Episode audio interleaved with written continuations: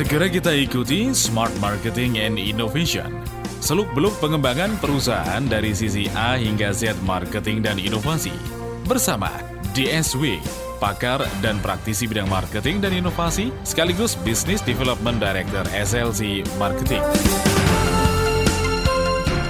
Selamat sore Smart Listener, senang sekali saya Didi Cahya kembali hadir menemani Anda dan setiap hari Senin selalu bersemangat. Semangat di awal pekan. Walaupun ya sampai akhir pekan ya tetap semangat. Bukan begitu bukan Bapak DSW Dr. Sandi Wahyudi. Selamat sore. Merdeka. Merdeka. Ketemu lagi kita di Smart Marketing iya, and Innovation berbeda. ya. Kenapa? Biasanya kan keep stupid. Ah, sekarang merdeka. Ini momennya merdeka, jadi merdeka aja. Termasuk sore hari ini kita memerdekakan pikiran kita. Istimewa. Jadi kalau misalnya ada yang butek-butek dikit, kenapa gitu ya? Kita bikin ini aja. Kita kosongkan dulu supaya kita isi lagi dengan ilmu di sore hari ini. Eh, jangan kosong sampai geletek bahaya nanti. Kemasukan pikiran-pikiran jahat nanti Ah, bahaya. mesti. ya, jadi kita isi dengan Ya. yang baru ya, Mbak ya. Betul, karena saya merindukan sekali tema Agustus ini kan nggak jauh-jauh dengan Markom. Markom ya. Yang ini kita akan membahas media connectivity strategi yang bagian ketiga. Bagian ketiga yaitu terkait konten marketing Mbak Didi. Uh. Masih ingat minggu lalu kita diskusi apa Mbak Didi? Pak ya. Jadi beberapa minggu yang lalu kita diskusi integrasi ATL, Yes. BTL, TTL. Minggu lalu itu mata uang Filipin tuh loh. Iya, peso. Peso, paid, marketing, earn, share, and Iya. dan own marketing. Own marketing. Jadi kita akan lanjutin Mbak Didi. Ya. yakni lebih sifatnya uh, tactical ya. Tactical lebih kepada pendetilan dari apa yang kita diskusikan minggu lalu Iya, Nah, terkait konten marketing. Jadi Sebelum kita masuk materi, Mbak Didi, kita kan selalu awali dengan ini, apa topik-topik terkini, berita-berita yang paling update yang kiranya bisa kita bawa ke diskusi sore ini. Mbak Apa Didi, ya? ngikutin enggak yang hari ini berita luar biasa nih tentang properti lah? ada apa ya? Saya nggak nonton TV. Nah ini, jadi properti di bawah Jokowi ini banyak hal pembaruan. Sudah ada tiga peraturan kepres Iya. presiden yang diterbitkan Iya, hari ini, ha-ha. hari yang luar biasa karena apa? BPHTB di bawah 2 miliar untuk biaya perolehan hak atas tanah dan bangunan di, Oke. digratiskan. Kemudian untuk Oh. perizinan sertifikat cukup bayar 300 ribu itu sudah flat rate harga. ya. Oke. Dan pajak penghasilan kalau misal anda adalah penjual rumah biasanya kan kena 5% ya. Itu cuman sekarang setengahnya, tinggal Oh. cuman bayar dua setengah persen. Jadi untuk pajak jual beli rumah khususnya anda yang para penjual rumah itu bisa kasih harga yang lebih bersaing supaya rumah anda cepat laku. Karena apa? Anda cukup bayar nggak usah 5% pajak penghasilan tapi dua setengah persen. Nah itu berlaku di 8 September besok. Otomatis ya harapan kita semoga ini menjadi motor kebangkitan properti seperti Karena beberapa tahun bulan lalu. ini kan properti benar-benar berapa bulan ya satu tahun lebih ini, ya. Oke. Dia dia stagnan gitu. Sektor properti stagnan itu akan merambah ke sektor yang lain. Betul. Karena properti ini adalah barometer pertumbuhan ekonomi di suatu negara. Nah, akhirnya rulesnya ya regulasinya yang akhirnya Betul. dikondisikan dan ada kabar baik juga bahwa kalau tech amnesty ini berhasil, kalau ya, kalau berhasil, maka 2017 awal ini sektor properti akan naik sampai 2018. Wah.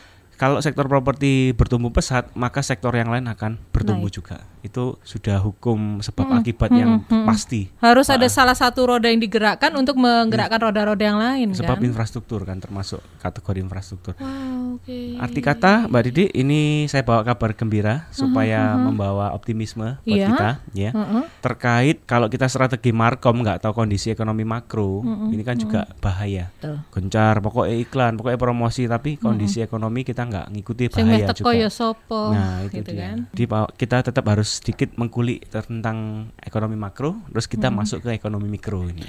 Saya sore ini tadi dapat apa namanya eh, broadcast juga ya. Mm-mm, Traditional marketing versus content marketing. betul. Seru iki. Di Iya. versus versus no versus iki. versus no iya betul tapi ada teori akademiknya ada mbak Didi jadi ini kan saya bawa apa ya studi dari kampus-kampus besar Stanford, Harvard yang meneliti tentang perkembangan marketing terkini lah Iya. Ke- ke- kekiniannya Kekinian. marketing itu seperti apa saya coba pelajari kemudian share ke rekan-rekan sekalian sama listener semoga bermanfaat nah saya coba awali dengan sebuah tagar hashtag Hashtag. Oke. mbak Didi pasti tahu ini Mm-mm. ada aqua Hmm. ya, ya, Itu salah satunya ya. ya, ya, ya. Kalau dulu kan kita sering lihat bahwa iklan di TV itu kan wah ini loh dari pegunungan, dijernihkan ozon, kemudian filternya apa, dijamin apa, lebih ke produknya ya. Ya, Yakni keunggu- keunggulan produk. Keunggulan produknya dibanding kompetitor. Tapi saat ini bahwa tren di sana, di luar sana itu orang sudah mulai males kalau lihat iklan demikian. Biasanya langsung ditinggal ke toilet gitu ya. Atau paling nggak diganti channel DC, nanti balik meneh kan gitu ya. Itu kalau TV. Iya. Nah, karena eh, itu istilahnya hard selling Mbak Didi. Betul.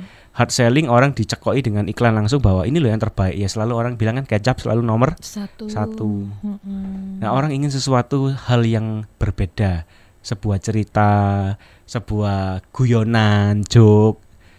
Orang akan lebih interest di sana ketimbang produk yang dijual. Malah nancep ya. Nah, itu dia. Jadi, rekan-rekan sekalian ini sebuah tantangan buat kita semua bahwa ayo gimana cara kita berpromosi tapi seolah-olah kita itu mengedukasi, Betul. seolah-olah kita itu sharing padahal di dalamnya ya dodolan kan gitu. Bener juga Nah. sih. Bener, bener. Coba kalau lihat iklan terakhir ini, saya amati yang bagus tuh Aqua memang ya. Iya. Keren banget gitu loh konsepnya, iya. konten marketingnya. Bahwa dia nggak nggak jualan air minum ya. Terakhir terakhir itu kan nggak diliatin Aquanya gitu loh. Iya, betul. Produknya nggak ada gitu betul, loh. Betul.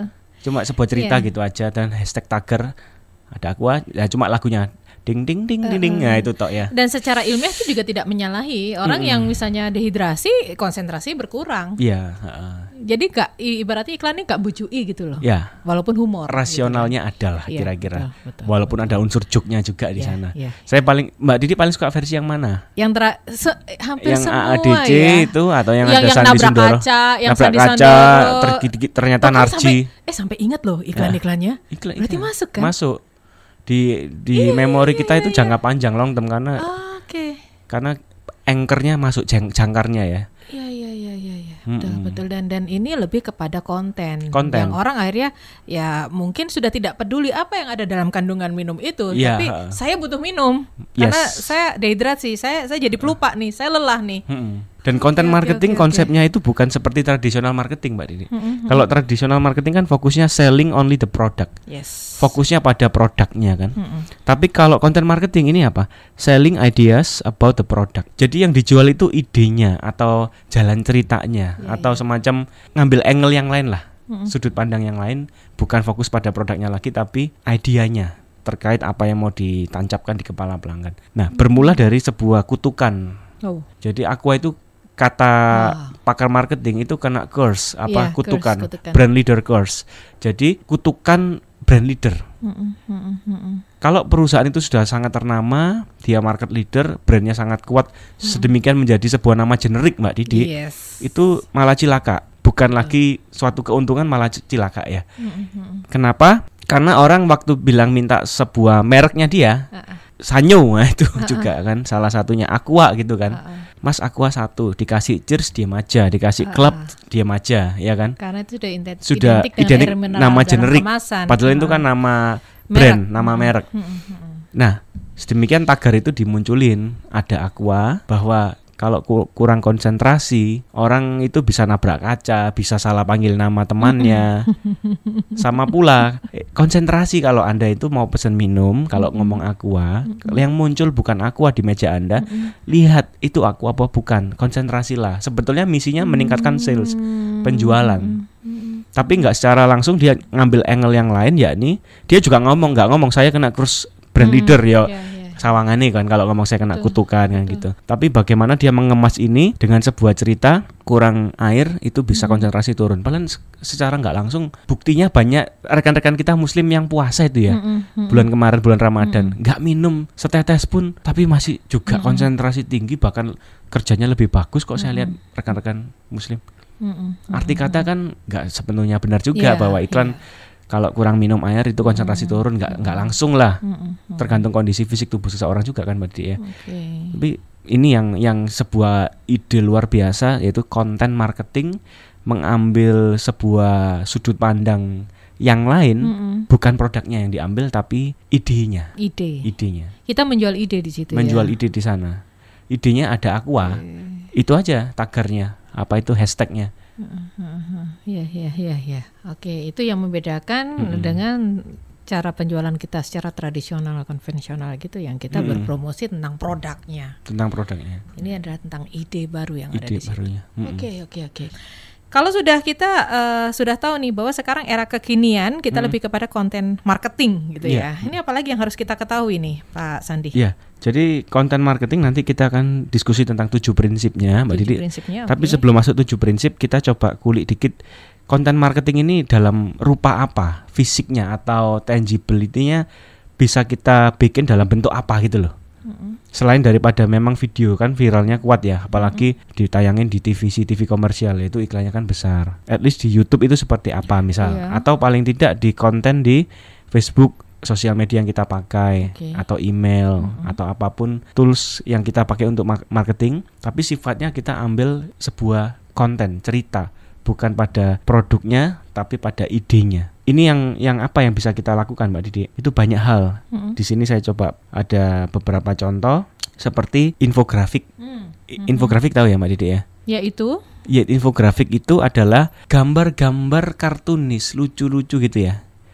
Dia di sana ada angka berupa diagram, Ya. berupa tabel apa itu diagram lingkaran kah, tabel diagram batang. Mhm, mhm. Sifatnya itu menunjukkan statistik kayak Betul. gitu ya.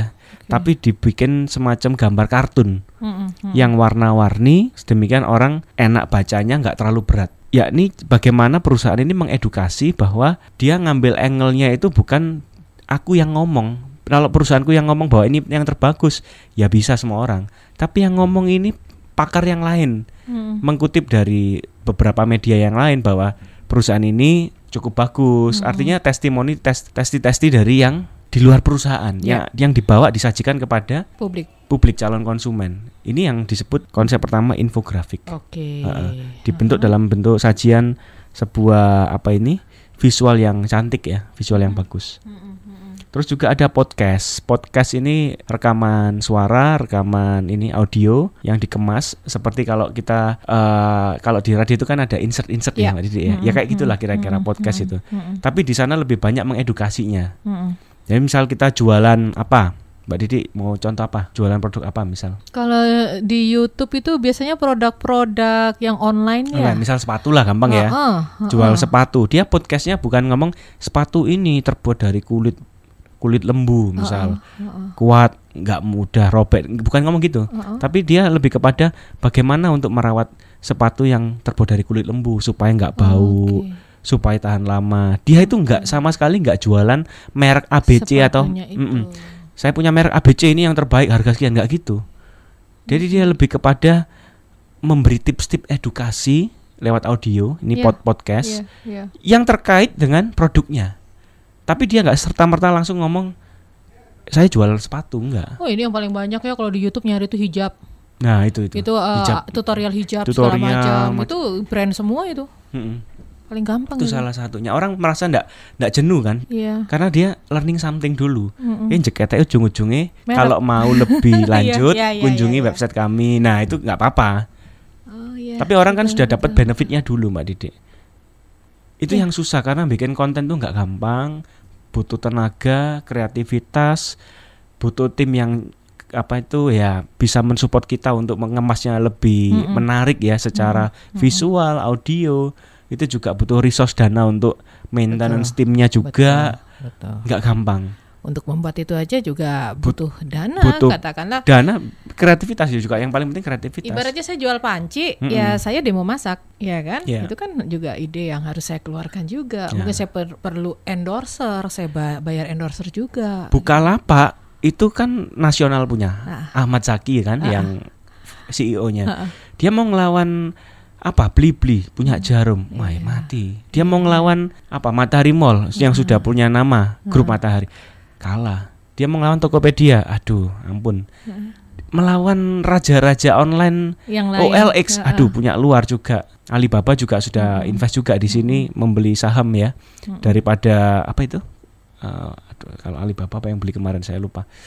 Apa? Store apa? Lazada or something. Lazada, ah, Lazada. Lazada sorry, iya Alibaba Aha. s- berapa persen punya Lazada. Lazada kan dari luar juga. Yes. Indonesia kan salah satu cabangnya Lazada. Pastilah kalau iklan-iklan dengan budget yang terbatas Ahmad Saki berpikir, waduh ya kalah budget saya berapa kan gitu dia terakhir bikin itu eh pendekar medok. Jari sakti Betul, wah betul, iklan-iklannya betul. itu Iya, iya, nyeleneh iya, iya. merakyat banget Dan dia Terus tampil loh. dia tampil dia sebagai figur mau kan dia jujur waktu diwawancara Iya, betul. saya jujur membayar talent membayar artis ambasador brand ambasador nggak mampu nggak mampu. tampang saya pas-pasan ya sudahlah saya ingin apa ikut di dalamnya sebagai brand ambassador nah ini ternyata direspon positif oleh Iya. masyarakat Indonesia mbak Didi Justru iklan-iklannya nempel karena Hmm. ide iklannya yang bagus. Ide-idenya itu simple merakyat itu loh Tadi kita sudah bicara tentang infografik, terus eh, juga podcast, podcast. sebenarnya iya juga ada buku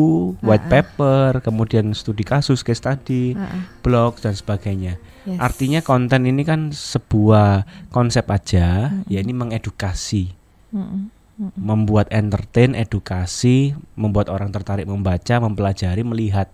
Ya. Walaupun ujung-ujungnya dodolan kan gitu. Betul. Sedemikian orang merasa bahwa download dulu itu nggak merasa eh JKT iklan nggak gitu loh Mbak Didi. Oh saya dapat manfaat, saya dapat sesuatu. Baik itu edukasi, entertain lah atau sesuatu yang sifatnya dia suka, hobinya dia, itu yang disebut content marketing. Jadi soft selling lah Mbak Didi. Termasuk beberapa kali ini belakangan saya melihat banyak perusahaan-perusahaan yang mengeluarkan produknya. Entah itu nanti yang dia meng- mengklaim produk ramah lingkungan, produk apa, produk apa. Yang dia itu biasanya membuat kompetisi blogging, kompetisi apa itu termasuk ya untuk Ya. konten marketing ya. Ada nilai eh, pembelajaran atau nilai entertain di sana itu disebut content marketing. Oh, tidak serta merta apa produknya atau nama mereknya disebut di depan mbak Didi. mm, mm. Jadi orang baca itu kayak um, apa itu artikel ilmu ada baru, ilmu baru, uh, uh. pengetahuan, pengetahuan baru seperti itu. Mm, Nah ini nggak gampang Mem- mem- menjual tapi mengemasnya dalam bentuk bukan jualan. Itu konsep content marketing. Menjual tapi mengemasnya bukan seperti orang jualan. Karena kalau kita ngomong sudah jualan orang langsung pakai benteng. Benteng, waduh sih hati-hati dompetku baru ini aja sampai metu kan gitu, aja sampai dikeruk harus hati-hati. Ini bentar lagi saya ada trik-trik marketing kena makan bahaya nih kan gitu. Kalau kita sudah ngomong jualan hard selling banget orang sudah mulai jaga jaga jarak. Betul. Tapi kalau konten marketing itu kita malah deket, deket, deket terus cidek ditawari. Nek gak tuku dia sungkan Mbak Didi. Iya, Iya, aku wis dapat iya, manfaatnya. Kebacut aku rek nyoba sitik lah gak apa-apa. Kan gitu. Karena sudah merasakan manfaatnya. Ini nih eh, kita bicara tentang ini ya salah satu strategi kekinian ya. Iya. Ada satu produk susu dalam kemasan siap minum yang dia bekerja sama dengan satu gerakan mengajar di Indonesia Mm-mm. yang dia itu dari kota ke kota dan dia uh, ada kompetisi banyak-banyakan nge-shake gitu. Yang di situ juga dia menjual produknya tidak dalam kotakan tuh dia jual. Orang langsung minum, ada milkshake, ada segala macam segala macam. Tapi itu orang-orang akhirnya tertarik untuk banyak-banyakan nge-shake kayak gitu pakai handphone, pakai apa. Jadi ada permainan di situ. Dan itu pasarnya luar biasa anak-anak sekolah loh, Pak. Iya. Nah, Padahal sebenarnya kalau kita bilang dia jualan apa sih? Susu. Sebenarnya, iya kan? konten marketing ini yang offline. Nah, Oke. konten marketing bisa offline. Contohnya Mbak Didi kan yang offline. Mm-mm. Ada pula yang online. Ada juga kadang dibagi seperti buku cerita Mm-mm. kecil gitu aja. Ternyata dia jual produk kesehatan di ujung-ujungnya. Belum Jadi anak-anak mm, sudah betul. bisa wah lumayan dapat buku cerita. download aplikasi. Lalu aplikasi terus buku itu bisa dibuat mewarnai, ada pensil warna kecil dikasih Ya, ya, Ujung-ujungnya ya. Oke, oke, oke. jualan produk di belakang. Ini mahal biaya untuk konten marketing untuk sampai mencetak mencetak seperti itu ya Mbak Didi ya. Itu biaya juga nggak murah. Nah, bagaimana kalau online? Online kan yang pasti nggak perlu dicetak dalam bentuk fisik kan? Mm-mm. Cukup di dalam bentuk PDF kalau itu berupa buku atau podcast atau audio atau video yang bisa di-download atau bisa diakses di YouTube dan sebagainya. Ini yang yang menarik di sini. Oke. Konten marketing. Ini kan ada beberapa prinsip yang harus kita coba eh, ikuti supaya kita membuat konten marketing ini tidak sia-sia walau eh, apa namanya biayanya juga nggak mahal Mm, tapi karena tepat sasaran. karena tepat sasaran karena kreativitasnya tingkatnya harus cukup bagus. Jangan sampai sia-sia gitu loh. Pak Brian, Pertanyaannya bagaimana, apa nih? eh, eh, bagaimana membuat branding tepat dan langsung mengena di calon kos, eh, customer, apalagi untuk pebisnis pemula yang baru merintis usaha di sidoarjo? Oke, bisnisnya disebut Pak Brian Nggak disebut. Pak Brian? belum ada ya. Iya. Wah ini ini nggak ada apa namanya Strategi branding untuk awal ya berarti ya. Ya, yang pasti Pak Brian terima kasih atensinya. Untuk strategi branding usaha startup bisnis jangan membuat branding yang sama dengan kompetitor yang raksasa. Lebih baik menjadi yang unik ketimbang menjadi yang lebih baik daripada yang sudah ada. Menjadi yang berbeda, being different lah, jangan being better. Kalau being better ini agak susah karena modal kita juga masih terbatas. Iya. Differentnya iya, di iya. mana yang Iya. kompetitor belum mainkan gitu loh kira-kira. Betul, betul. Kalau kompetitor sudah main, oh ini kualitasnya nomor satu. Ada kompetitor yang lain garansinya yang diutamakan. Ada kompetitor yang lain ngomong harga pasti dijamin paling murah kalau enggak Hmm. uang kembali. Nah itu kan branding-branding yang diciptakan asosiasinya lebih kepada keunggulan mereka masing-masing. Hmm. Nah coba cari keunggulan yang belum dipakai kompetitor. Kita coba pilih yang satu itulah yang belum be dipilih. different ya, pokoknya Ya, be- berbeda ya, dengan be yang sudah different. ada. Mm-mm. Nggak tahu ini Oke. bisnisnya apa, Pak Brian. Terima kasih Pak. Jadi intinya untuk Pak Brian tadi eh, kita lebih baik be different untuk Mm-mm. pemula, Mm-mm. lagi kalau sudah ada produk dengan kekuatan raksasa yang Contoh tadi di- yang buka lapak itu kan. ya, ha-ha. Buka lapak itu Ahmad Saki punya benar-benar nasional Iya, dari iya, iya. dari Indonesia sendiri lah, Betul, bukan betul. seperti beberapa merek Lazada macam. Tokopedia dari luar. Nah ini yang yang tadi menjadi different. Akhirnya si Ahmad Saki memilih untuk menekankan bahwa pendekar medok jari sakti. Nah itu yang lebih diutamakan ko- konsep markomnya sekarang. Oke. Nah terima kasih Pak Brian. Heeh. Ha-ha. Terus gimana Mbak Didi? Tujuh prinsip ini keburu ndak ya? Keburu kalau kita singkat-singkat saja. Singkat-singkat ya, oke. Ha-ha. Tujuh prinsip ini eh, kita akan kulik sedikit. Ini kalau kita nggak selesai nih tujuh prinsipnya apa aja? Ya itu. Yaitu pertama editorial strategy untuk membuat konten marketing Mbak Didi. Mm-mm, mm-mm. Editorial strategy understand user needs. Hmm, pahami Buat dulu ya. satu pesan untuk satu kali kampanye. Oke. Jangan bikin karena budget mepet, wis duitku saat ini kampanye ini cuman punya duit segini, saya punya beberapa pembeda branding saya ada tiga pesan yang harus disampaikan, semua Oh, dijadikan satu Jangan. satu satu gambar, satu posting atau satu video kacau.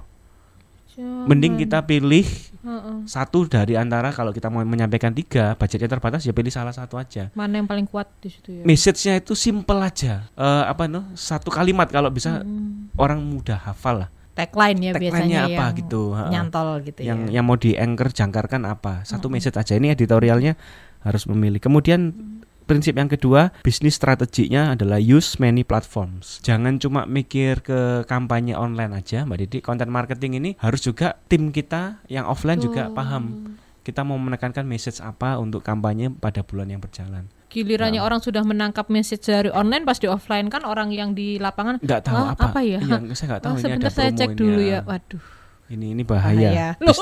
Many platform ini berarti ATL, BTL, Yeah. TTL-nya semua harus Yes. Kompak. Oke. Kemudian prinsip yang ketiga audience strategy Mbak Didi. Audience strategy terkait leverage organic media. Mhm. Nah, ada kata kunci leverage. Leverage ini kan daya ungkit organik media, media yang organik. Mhm. Organik ada media yang un, Un- yang anorganik yang tidak organik. Media yang organik itu media yang sa- saat kita sudah florkan itu otomatis orang akan viralnya jalan.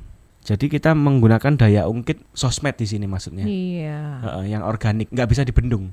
Kita ngomong A, kalau orang suka akan di retweet, akan di repost, akan Oke. di apa namanya di sharekan linknya. Tapi kalau kita ngomong jelek ya akan di sharekan juga. Nah itu lebih lebih cepat. ini hati-hati. Hmm, ya. Leverage-nya harus bagus. Oke. Kemudian website strategi, prinsip keempat kita punya website itu kan own marketing yang kita Iya. kelola sendiri ya. Mm-mm. Build user relationship di website jangan lupa ada eh, apa itu platform untuk tanya jawab. Kemudian kalau ada online chat itu jauh lebih bagus. Hmm. dua arah Dua ya. arah komunikasinya. Mm-mm. Kontak asnya lebih bagus. Nah ini relationshipnya harus eh, cukup ba- bagus pada waktu orang masukin login email langsung ada disapa, masuknya email Iya. Ki- kita Iya. menyapanya, verifikasi email itu juga harus kata-kata yang menyenangkan. kontennya, mm-mm, kontennya Pas. kita pas, heeh. sifatnya mengedukasi Betul. bukan untuk promosi. Nah, kemudian eh, email strategi ini yang kelima ya, Mbak Didi. Maximize customer value. Bagaimana kita email broadcast rutin itu bikin eh, title-nya, judulnya jangan sesuatu yang eh, kesempatan terbaik misal atau hanya hari ini terakhir. Itu bahasa-bahasa promosi yang akan orang Dan sudah merasa mulai ditinggalkan ya. "Eh, eh, wah ini jual jualan nih, dodolan ini, iklan. Tapi lebih kepada kata-kata misal saya siap menolong bisnis Anda atau apa pun yang Anda butuhkan kami siap support. Nah, itu kan kata-kata yang sifatnya lebih manusiawi, humannya ada di sana. Sifatnya bertanya atau menolong, menawarkan bantuan, bukan me- me- me- memberitahu bahwa iki loh ono barangku sing apik, bukan memberitahu, tapi mengajak diskusi. Title-nya apa itu? Judul emailnya itu loh. Ya, Ini harus membuat orang tertarik eh ya kita semacam bertanya ke mereka. Oh, oke. Ini, ini kira-kira apa ya? Eh, eh, apa sih kok? Ah, Nah, itu. Dan pertanyaannya oke. cukup membuat orang kurius juga ya. Ah, ah, ah, ah, oke. Terus strategi yang berikutnya people strategy Mbak Dedi. Keenam, empower your organization. Ini artinya apa? Orang-orang kita yang membuat konten ini, ini kudu orang yang terus kita biarin lah, jangan terkungkung di satu kantor, biar mereka kerja sekali-sekali keluar ke Indomaret sebelah ke atau ke kafe atau ke mana, suruh mereka keluar. sama orang banyak. Ah, ah, jangan, ini orang kreatif jangan dikurung, Oh, mati nanti. Ah, ah. Iya. Orang kreatif ini nggak bisa kita tempatkan di Harus satu stay tempat. dengan banyak orang. Dan mereka Betul. memang harus jangan sering di kantor biar cari inspirasi di luar ya. People strategy di sini resultnya yang diukur, bukan cek lognya dia rajin datang ke kantor, bukan itu. Tapi kualitas daripada konten marketing yang diciptakan itu yang kita nilai. Mm-mm. Jadi bobot KPI, key performance indicator untuk orang-orang ini itu lihat lebih dari artnya, seninya, seninya. bukan menilai dari kedisiplinannya. Sedikit KPI-nya dibedain untuk orang-orang ini. Orang-orang ini cukup uh, aset buat kita ya, menjadi aset. Yang terakhir re- reporting strategi yang ketujuh. Manage by exception. Jadi bagaimana kita uh, memanage semua konten marketing ini berdasarkan eksepsi dari apa exception ini semacam apa Mbak Didi? Uh, pandangan ya dari luar ya. Mm-mm. Semacam pendapat-pendapat bukan kita ngomong ini loh uh, kualitas konten marketing saya sudah bagus Tapi, tapi tidak yang menghasilkan menilai. referral yang baru, tidak menghasilkan jumlah follower yang nambah atau like yang nambah. Ini kan itu yang sebenarnya arti kata tolok ukurnya bagus nggak bagus orang lain yang nentukan gitu loh. Yes. Kalau konten marketing ini Betul. bukan perusahaan kita yang bilang bagus. Pak Sandi, Makasih. pencerahan lagi karena Mm-mm. eh, mengingatkan kita bahwa strategi marketing mengikuti zaman terus berkembang. Iya. Kita harus eh, selalu update supaya tidak tergerus. Gesernya kalau kita berapa tahun lalu kan uh, konvensional marketing, Yes. terus ma- masuk ke digital marketing. Yes. Sekarang kita bukan digital marketing lagi, Mm-mm. marketing in the digital age. Nah, kan. Ma- jadi bukan lagi sudah mulai geser Mbak Didi. iya. Digital marketing 2-3 tahun lalu oke. Ah, ah. Sekarang kita masuk era yang baru. Marketing in the digital age. Jadi kan akan ada beberapa hal yakni gabungan antara konvensional dan yang digital Oke. digabung dulu strateginya media cognitivity tadi ya. Mm-mm. Kemudian di dalam digital era itu seperti apa? Mitra bisnis, jika Anda merasakan manfaat luar biasa dari seri Marketing Innovation Lesson ini dan ingin mendapatkan versi lengkap yang sudah disusun per judul berupa CD maupun podcast, sedemikian bisa dipelajari lebih mendalam, silakan kunjungi website kami di www.slcmarketinginc.com atau ke Shopee official store kami di SLC Marketing. Anda bisa mendapatkan harga spesial dari kami. Ikuti terus knowledge sharing dari kami. Saya DSW Dr. Sandi Wayudi, Presiden SLC Marketing Inc., founder of Connectpedia. Sukses untuk kita semua.